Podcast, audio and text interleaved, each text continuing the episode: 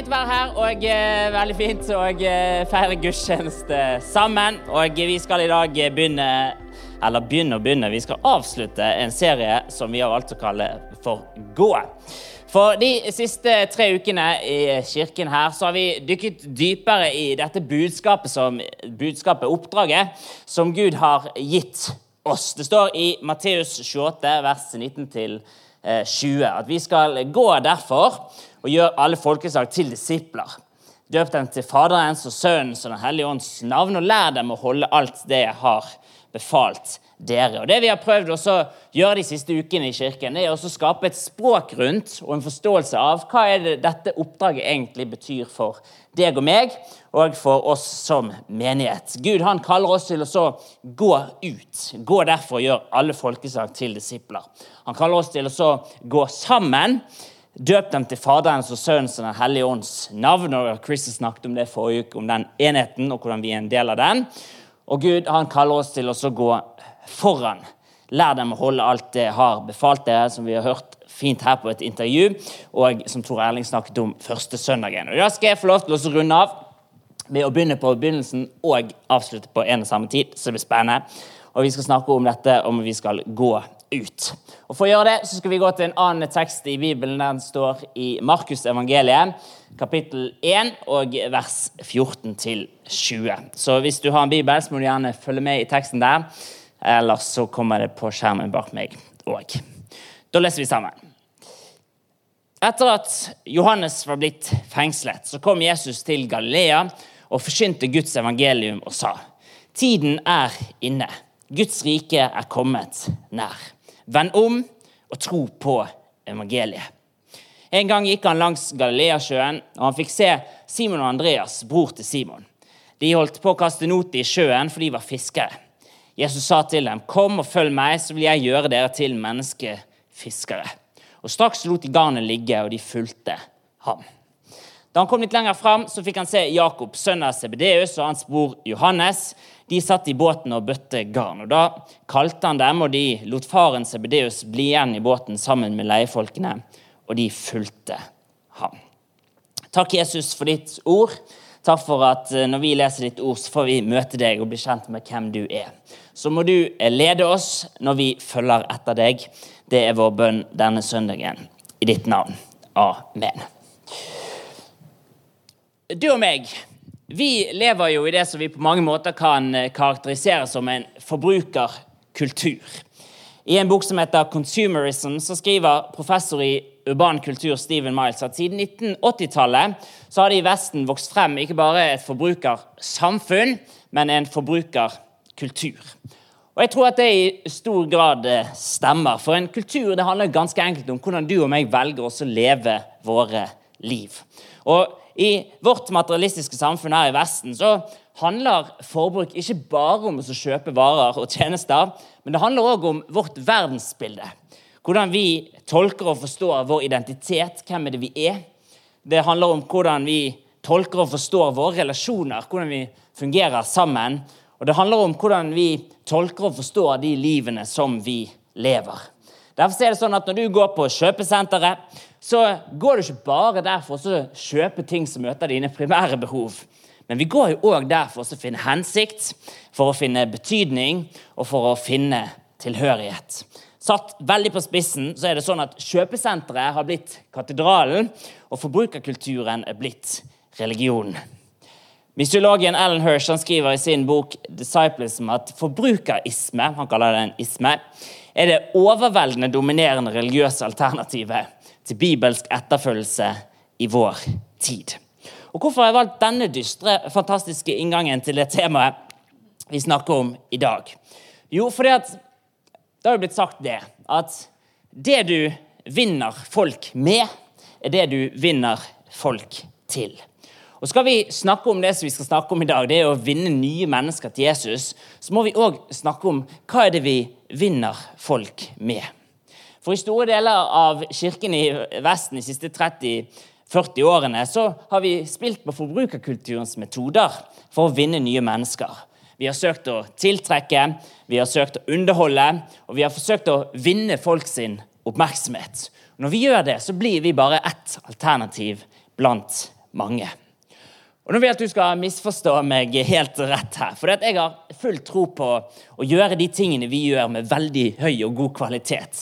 Det skal være attraktivt, det skal være kjekt, det skal være en god opplevelse for alle å delta i det vi gjør.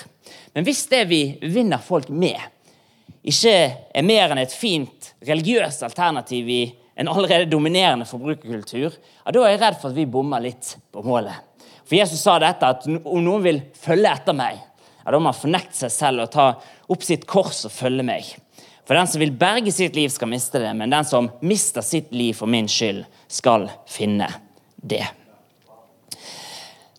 I dag så snakker vi om eh, det som er første del av misjonsbefalingen. Og Hvis du har vært en kristen en stund, eh, så er jo sannsynligheten høy for at du enten har lest dette eller eh, hørt folk snakke om denne misjonsbefalingen mange ganger. Og Fordi vi har hørt det så mange ganger, så tror jo vi at vi har forstått hva det handler om. En gresk filosof Epiktetos, han sa det sånn at det er umulig å lære en mann hva han tror han allerede vet. Ja, fin. Med andre ord, hvis du tror du har forstått det, så føler ikke du behovet for å lære noe nytt om det.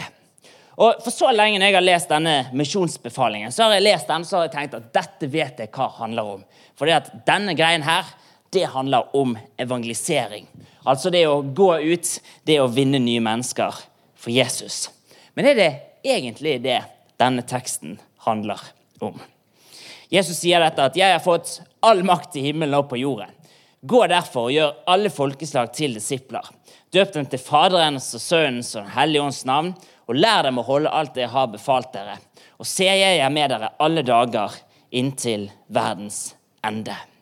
Jeg har lyst til å foreslå for deg denne søndagen her at misjonsbefalingen handler egentlig ikke om evangelisering, men den handler om å gjøre disipler. Og Betyr det da at evangelisering, altså det å vinne nye mennesker til Jesus, ikke er viktig? Nei, selvfølgelig så betyr ikke det det. Men det betyr det at skal vi forstå det oppdraget som Gud har gitt deg og meg og gitt sin kirke, så betyr det at vi må forstå evangelisering i konteksten av disippelskapet. Det å følge etter Jesus. For Jesus han kaller oss faktisk ikke bare til å ta en beslutning om at jeg ønsker å tro på et budskap, men han kaller oss til å leve et liv der vi lever i overgitt etterfølgelse av han. Og Hvis du er veldig forvirret nå, så er det veldig bra. For eh, nå skal vi gå til den teksten som vi nettopp leste. Og så skal vi bruke den teksten til å prøve å kaste lys over og forstå hva det er vi egentlig snakker om her i dag. Så da leser vi på nytt fra Markus 1. Etter at Johannes var blitt fengslet, så kom Jesus til Galilea og forkynte Guds evangelium og sa Tiden er inne. Guds rike er kommet nær. Vend om og tro på evangeliet. Jeg vil at dere skal bli med meg tilbake til Det gamle testamentet, til eh, tiden før Jesus gikk her på jorden, og til en profet som heter Jesaja, og til et dikt skrevet av Jesaja dette diktet så leser vi det at Jerusalem de har nettopp blitt eh, ødelagt av stormakten Babylon. Og alle jødene har flyktet ut av byen i eksil. Og Nå tenker de at nå har Gud forlatt oss. Og denne Profeten Jesaja han legger ikke skjul på at det at byen er ødelagt, det har de klart helt sjøl. De har vendt seg vekk fra Gud, de har blitt eh, korrupte. Og pga. det så har byen og tempelet deres blitt ødelagt. Men så fortsetter dette diktet, og det forteller om en, en uh, vaktmann som står oppe på byens murer. og Så ser han utover byens grenser, og så langt der ute så kan han se en budbærer som kommer løpende mot byen og roper 'gode nyheter, gode nyheter'. Så Jesaja han skriver i diktet sitt hvor vakre de er der de løper over fjellene. Føttene til den som bringer bud, forkynner fred, bringer godt budskap, forkynner frelse og sier til Sion, din Gud er konge. Og Det gode budskapet er det her, at til tross for at byen er ødelagt, så regjerer Gud fortsatt som konge. Og En dag så skal han komme tilbake til nettopp denne byen for å gjenreise sitt rike. Og Fortsetter du gjennom Det gamle testamentet, så vil du finne veldig mange sånne profetier som peker mot at en dag skal Gud komme tilbake som konge. Og som konge så skal han regjere i sitt rike. Og Hvis du var en jøde på Jesus sin tid, så var det dette du gikk og ventet på.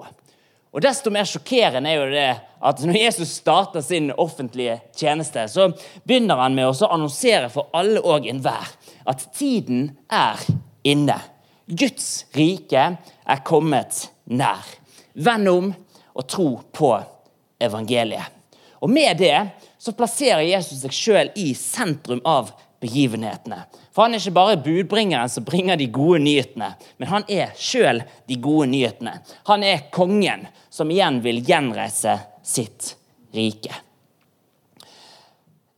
For snart 30 år siden så var det en amerikansk sosialantropolog og teolog som prøvde å sette ord på og forklare hvorfor er det sånn at ulike sosiale grupperinger oppstår. Og Han sa det på denne måten her, at hvis du er en gårdseier og du eier et areal på et par mål, ja, så kan jo du bygge et gjerde rundt eiendommen din for å holde gårdsdyrene på innsiden, og så kan du holde de farlige dyrene på utsiden. Men hvis du eier mange mål med landområder, så klarer ikke du å bygge gjerde rundt hele eiendommen. Så Istedenfor å bygge gjerder, så graver du brønner. For gårdseiere vet jo det at hvis du graver brønner, så vil jo dyrene naturlig trekkes mot de stedene hvor de kan få vann og drikke. Og Vi mennesker vi er veldig glad i å lage sånne her grenser for hvem er det som er innenfor, og hvem er det som er utenfor. Jeg kan få opp første illustrasjon her. Og Vi gjør jo dette hele tiden og vi gjør dette i kirken òg. Vi lager sånne grenser mellom hvem er det som er en del av kirken eller gruppen, og hvem er det som er utenfor. Og En åpenbar sånn grense det er jo teologi. Så hvis du tror på alt det vi tror på, hvis du har landet i de samme standpunktene i de sakene vi er opptatt av, ja, da er du innenfor. Men hvis ikke, ja, da er du utenfor gruppen. En annen sånn grense det kan jo handle om vår kultur. Altså Hvis du liker det vi liker, hvis du er opptatt av de tingene som vi er opptatt av, hvis du snakker sånn som vi snakker, hvis du hører på den musikken som vi hører på, hvis du ser på TV det vi ser på TV, ja, da er du innenfor. Men hvis ikke, ja, da er du utenfor. Og En tredje sånn grense, som kanskje ikke er like synlig, men som jeg tror er, oppleves veldig reell for mange, det er de tingene som handler om vår moral. Altså Hvis du lever sånn som vi mener er rett å leve, hvis du tar disse og disse livsvalgene, hvis du unngår det og det og det, ja, da er du innenfor og en del av gruppen. Men hvis du lever annerledes, ja, da er du på utsiden av gruppen. Men det som var veldig annerledes med Jesus når han kom, det var at han kom og så plasserte han seg sjøl i sentrum av begivenheten. Og Da kan jeg få neste illustrasjon. Og så sa han det her, at Guds rike er kommet nær. Og Da handler det faktisk ikke så mye om hvor du står i forhold til de menneskeskapte grensene for hvem som er innenfor eller utenfor, men det handler om hvor står du i relasjon til Han. Og Derfor så er Jesus mye mer opptatt av retningen på livet ditt enn hvor du er plassert. Og Derfor så sier han disse ordene at nå må du vende om. Nå må du skifte retningen. Nå må du følge etter meg. Nå må du tro på evangeliet. Et kapittel senere i Markus' evangeliet kan vi lese om Jesus. Han er hos en som heter Levi, og der er det en eh, stor fest. og Det står at mange tollere og syndere var til bord sammen med Jesus og disiplene. Så det var en sånn ordentlig bra fest. Ikke sånn kristen fest, men det var en skikkelig god fest. sant? Og eh, de skriftlærde fariseerne, det var liksom den religiøse eliten i den tiden. De ser jo dette her, at det er full fest, og de eh, står at de murrer. Jeg vet ikke hva det betyr, men de er sikkert litt sånn eh, snurt, eller noe sånt. Og så ser de dette, og så stiller de dette spørsmålet at hvorfor, hvorfor spiser du sammen med tollere og syndere? Og så svarer Jesus de elegant at det er jo ikke de friske som trenger lege, men de syke. Jeg er ikke kommet for å kalle rettferdige, men syndere til omvendelse. For det var jo dette Jesus gjorde hele tiden. Jesus han dro mennesker nærmere seg sjøl. Mennesker som de religiøse definerte som sånne som var på utsiden. Kriminelle, tiggere, prostituerte, politisk radikale, de syke som ingen ville ha noe med å gjøre. Jesus dro de menneskene nærmere seg sjøl. Og Jo nærmere de menneskene kom Jesus, jo mer ble livene deres forvandlet. Så Jesus sier, 'Kom, følg meg, så vil jeg gjøre deg til en menneskefisker'. I dagens tekst kan vi lese om Jesus som starta sin offentlige tjeneste i Galilea. Og Galileasjøen, også kjent som Genesaretsjøen, er en stor innsjø nord i Israel, hvor fiske den gangen var en av de store næringene.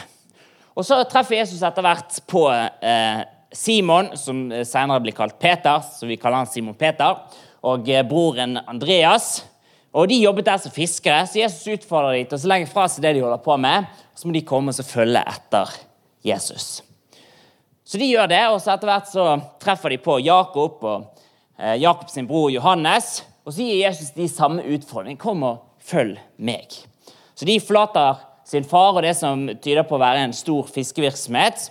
Og så bestemmer de seg for at nå skal vi òg følge etter Jesus. Og Nå er jo det mange ulike måter vi kan lese og tolke det som skjer her i denne teksten. En måte å lese det på det er jo at Simon og Andreas og Jakob og Johannes her blir det vi ville kalt frelst. De blir kristne. De begynner å tro på Jesus, og de tar imot Jesus som sin herre og frelser. Men var det egentlig det som skjedde her? For når var det egentlig Simon Peter ble frelst? Når var det egentlig han ble en kristen? Var det her i kapittel 1 når han begynner å følge etter Jesus? Eller var det i kapittel 3, når Jesus definerer han som en av de tolv apostlene? Eller var det i kapittel 8, når Simon Peter kaller Jesus for Messias, for rett etterpå og irettesetter Jesus når han sier at han skal dø på et kors? Eller var, en, var han en kristen når han i kapittel 14 fornekter at han kjenner Jesus? Eller ble han en kristen i kapittel 16 når Simon Peter får se Jesus oppstått fra de døde? Altså, Vi vet jo ikke helt når det avgjørende øyeblikket var. Et eller annet sted på reisen der så kom Simon Peter til det øyeblikket der brikkene falt på plass, og Jesus ble hans herre og frelser. Det å komme til tro på Jesus det er som oftest en prosess som pågår over tid. Og Derfor så starter ikke nødvendigvis disippelskapet, det å følge etter han, i det øyeblikket vi tar imot Jesus. Men etterfølgelsen kan starte før, sånn som i dette tilfellet vi leser i dag. Og Det å forstå evangelisering, altså det å nå nye mennesker med evangeliet, i konteksten av disippelgjøring, at vi følger etter Han, det betyr derfor at da kan vi slutte å se på frelse som noe som vi skal levere on demand, og så kan vi begynne å ta med oss mennesker på reisen mot Jesus. I 1975 så var det en annen misiolog, James Engel, han prøvde å sette ord på hvordan ser en sånn reise ut. Og Hans poeng det var at du kan egentlig ikke se på mennesker i bare én av to kategorier. Enten så er du kristen eller ikke, enten så tror du, eller så tror du ikke. Men vi er alle sammen på en reise enten mot Jesus eller vekk fra han. Så Hans poeng var altså ikke å innføre ti nye kategorier som vi skulle putte folk i men at vi alle er i en prosess. Vi er på en reise mot Jesus eller fra han. Og En sånn måte å tenke på det gir i hvert fall veldig mening for meg. For Det får meg til å tenke på en kompis fra eh, Handelshøyskolen som første skoledag fortalte meg det. At eh, kristne det er farlige mennesker som har en negativ påvirkning på menneskets utvikling. Og Jeg så på han og tenkte ja, ja, vi skal bli gode venner.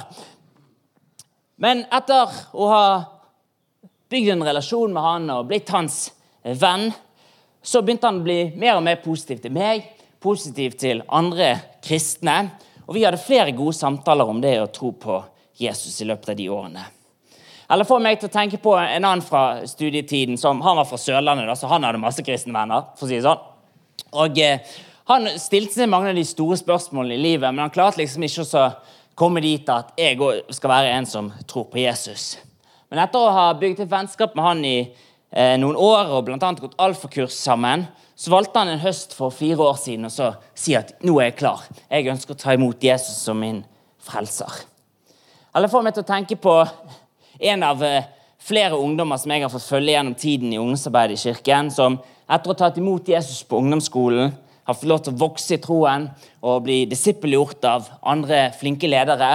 Og i dag lever sammen med Jesus og gjør akkurat det samme, gir Jesus videre til andre.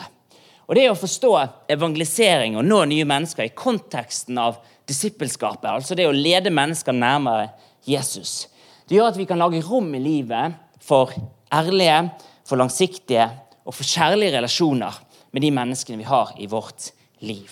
For det vil jo ikke bare være noe som kultiverer meningsfulle relasjoner i våre liv, men det var å gi kredibilitet til vårt budskap ved at vi faktisk bryr oss nok til å vil gå en distanse sammen med mennesker. Og så er det sånn at Hvis alle etterfølgere av Jesus gjorde dette med kun to til tre mennesker i sin livstid, for, og deretter lærer de å gjøre det samme, altså ville vi faktisk fullført misjonsbefalingen i en eller to generasjoner. Men poenget er det her at Jesus han er ikke bare en person du tar stilling til om du vil tro på eller ikke. Men han sier om seg sjøl at 'jeg er veien, sannheten og livet'. Og Hans invitasjon til deg og meg det er å gå på den veien. For når du går på den veien og du følger etter han, ja, så vil du oppdage mer og mer av sannheten. Sannheten om hvem Gud er, og sannheten om hvem du er. Og Når du oppdager mer av den sannheten, så vil den sannheten lede deg til det virkelige livet. Så til deg i rommet og deg som hører på, som kanskje er litt søkende, som ikke vet helt hva du skal tro på, så har jeg lyst til å oppmuntre deg denne søndagen til å fortsette å gå på veien. Fortsette å søke etter å finne ut mer. Still de spørsmålene som du trenger for å komme noen steg videre. Så vil jeg at du skal vite at I denne kirken her, ja, så er du ikke bare velkommen, men du er ønsket. Du trenger ikke så tro som oss for å tilhøre oss. For vi er alle sammen mennesker som er på en reise, enten vi har kommet langt eller kort på den reisen. Så jeg har lyst til å si til deg som kjenner Jesus, du som følger etter han, og du vet hvem Jesus er, og du har en aktiv etterfølgelse av han. Du vet Den dagen Jesus kalte Simon og Andreas og Jakob og Johannes til å følge etter han, så gikk de fra å være fiskere til å bli menneskefiskere. Og Det å bli en kristen det betyr ikke nødvendigvis at nå skal du legge fra deg alt, nå skal du slutte i jobben, nå skal du flytte til Afrika, for det gjør alle kristne. Men du har fått en større hensikt over livet. Du har fått en større horisont over det livet du lever. Du har gått fra å være en fisker til en menneskefisker. Så har du laget rom i livet ditt for å ta med deg folk på reisen. Har du laget de rommene for de ekte og de ærlige og de meningsfulle relasjonene i livet, der du får lov til å lede mennesker på en vei nærmere Jesus. For Jesus han kaller deg og meg til å så gå ut. Gå derfor og gjør alle folkeslag til disipler. Han kaller oss til å så gå sammen. Døp dem til Faderens og Sønnens og Den hellige ånds navn. Og han kaller oss til å gå foran og lære dem å holde alt det jeg har befalt dere. Og Når vi gjør det, så er hans løfte til deg og meg dette her. Se, jeg er med dere alle dager inntil verdens ende.